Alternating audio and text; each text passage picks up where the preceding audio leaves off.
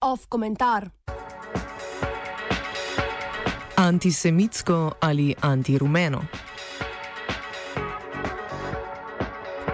Rumeni jopiči kot protestno, a politično nejasno gibanje brez trdne vodstvene strukture obstajajo že 14. teden.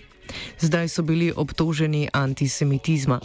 Obtožnica izvira iz pariškega sobotnega protesta, na katerem je ducat rumenih jopičev kričalo na filozofa judovskega rodu Alona Finkelkrauta. Obmetavali so ga sovražnimi besedami, kot so: Umrl boš umazani zionist, pojdi nazaj v Tel Aviv, to je naša država, ne tvoja. Pred znanega filozofa, ustanovitelja zionistične organizacije, se je na to postavila policija, protestniki pa so odšli.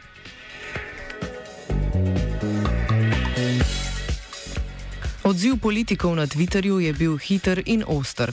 Predsednik Emmanuel Macron je izjavil, da Finkelkraut ni le sin polskih imigrantov in spoštovani akademik, ampak simbol vsega, kar ustvarja ve veličino Francije.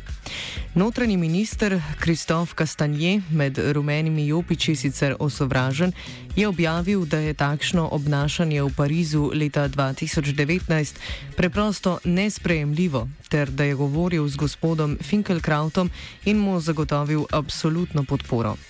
Politiki vseh političnih strank so napovedali, da se bodo udeležili protesta proti antisemitizmu, kulturni minister Frank Reister rekoč: citiramo, ker vemo, da je to boj za človečnost, civilizacijo, republiko, čast Francije.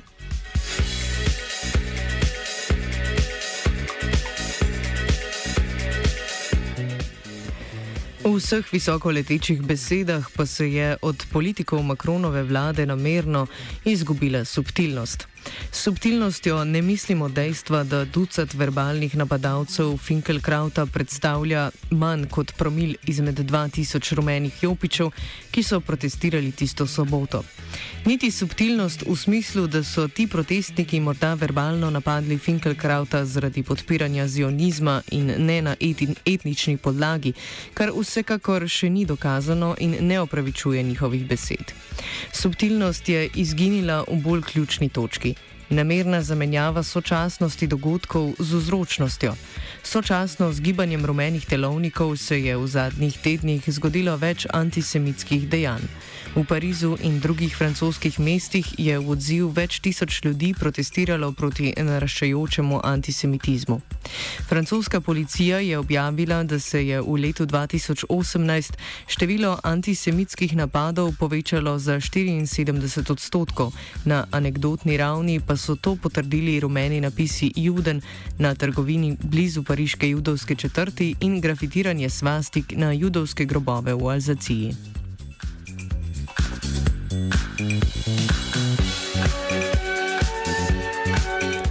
Rumeni jopiči Makrona kritizirajo, čež da nima stika s povprečnimi ljudmi in ne razume njihovih potreb.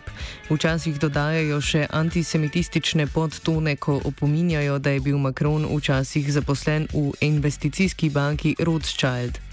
Makronovi vladi ob tej priložnosti ni bilo dovolj z razglasitvijo novih zakonov proti antisemitizmu utrditi si sloves odločnih strpnih politikov, ampak so sočasnost policijskega poročila o rasti antisemitskih zločinov in napada na Finkelkrauta izkoristili za ponovno diskreditacijo rumenih jopičev, za zabijanje žoblja v krsto vse manjšega gibanja.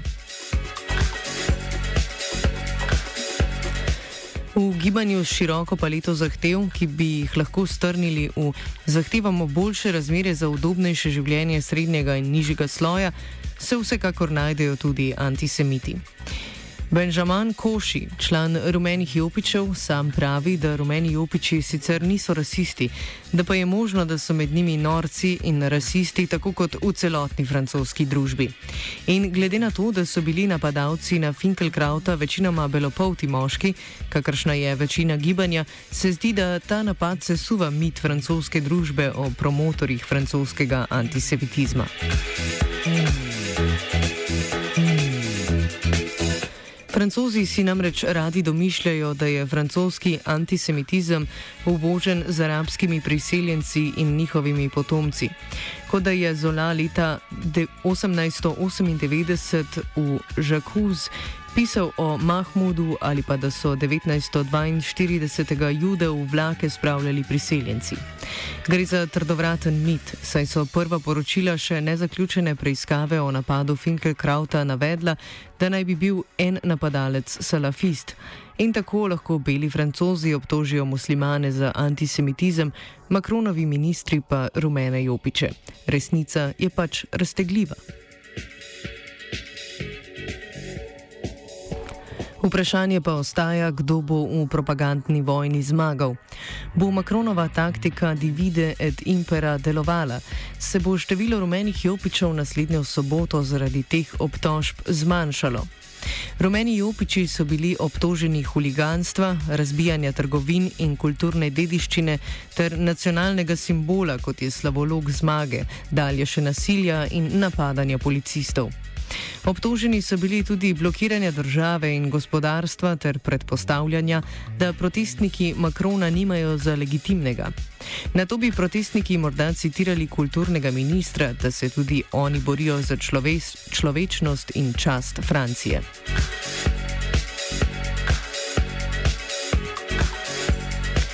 Tako imenovana skupina Rdeče rute je na enkratnem protestu povdarjala, da so proti nasilju na protestih in da naj se zadeve umirijo in rešujejo konstruktivno s pogovorom. Na te strune brenka tudi predsednik, ki je v zadnjih tednih na srečanjih s predstavniki civilne družbe razpravljal o prihodnji francoski politiki.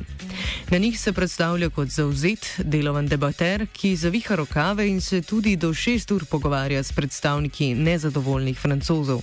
In opozarja, da so protesti rumenih jopičev nepotrebni, saj lahko ti zdaj pridejo mirno in mirno konstruktivno predstavijo svoje ideje.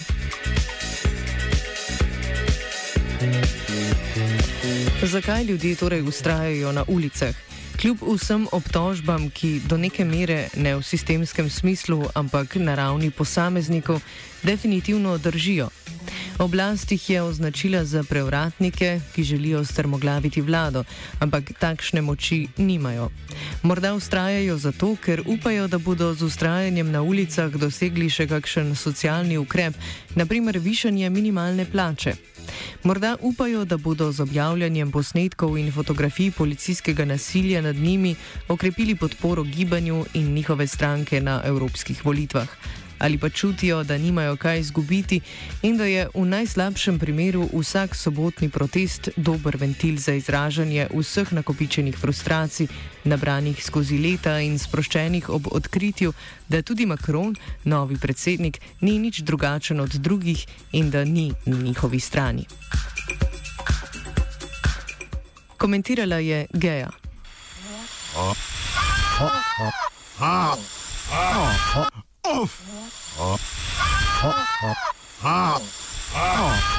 komentar.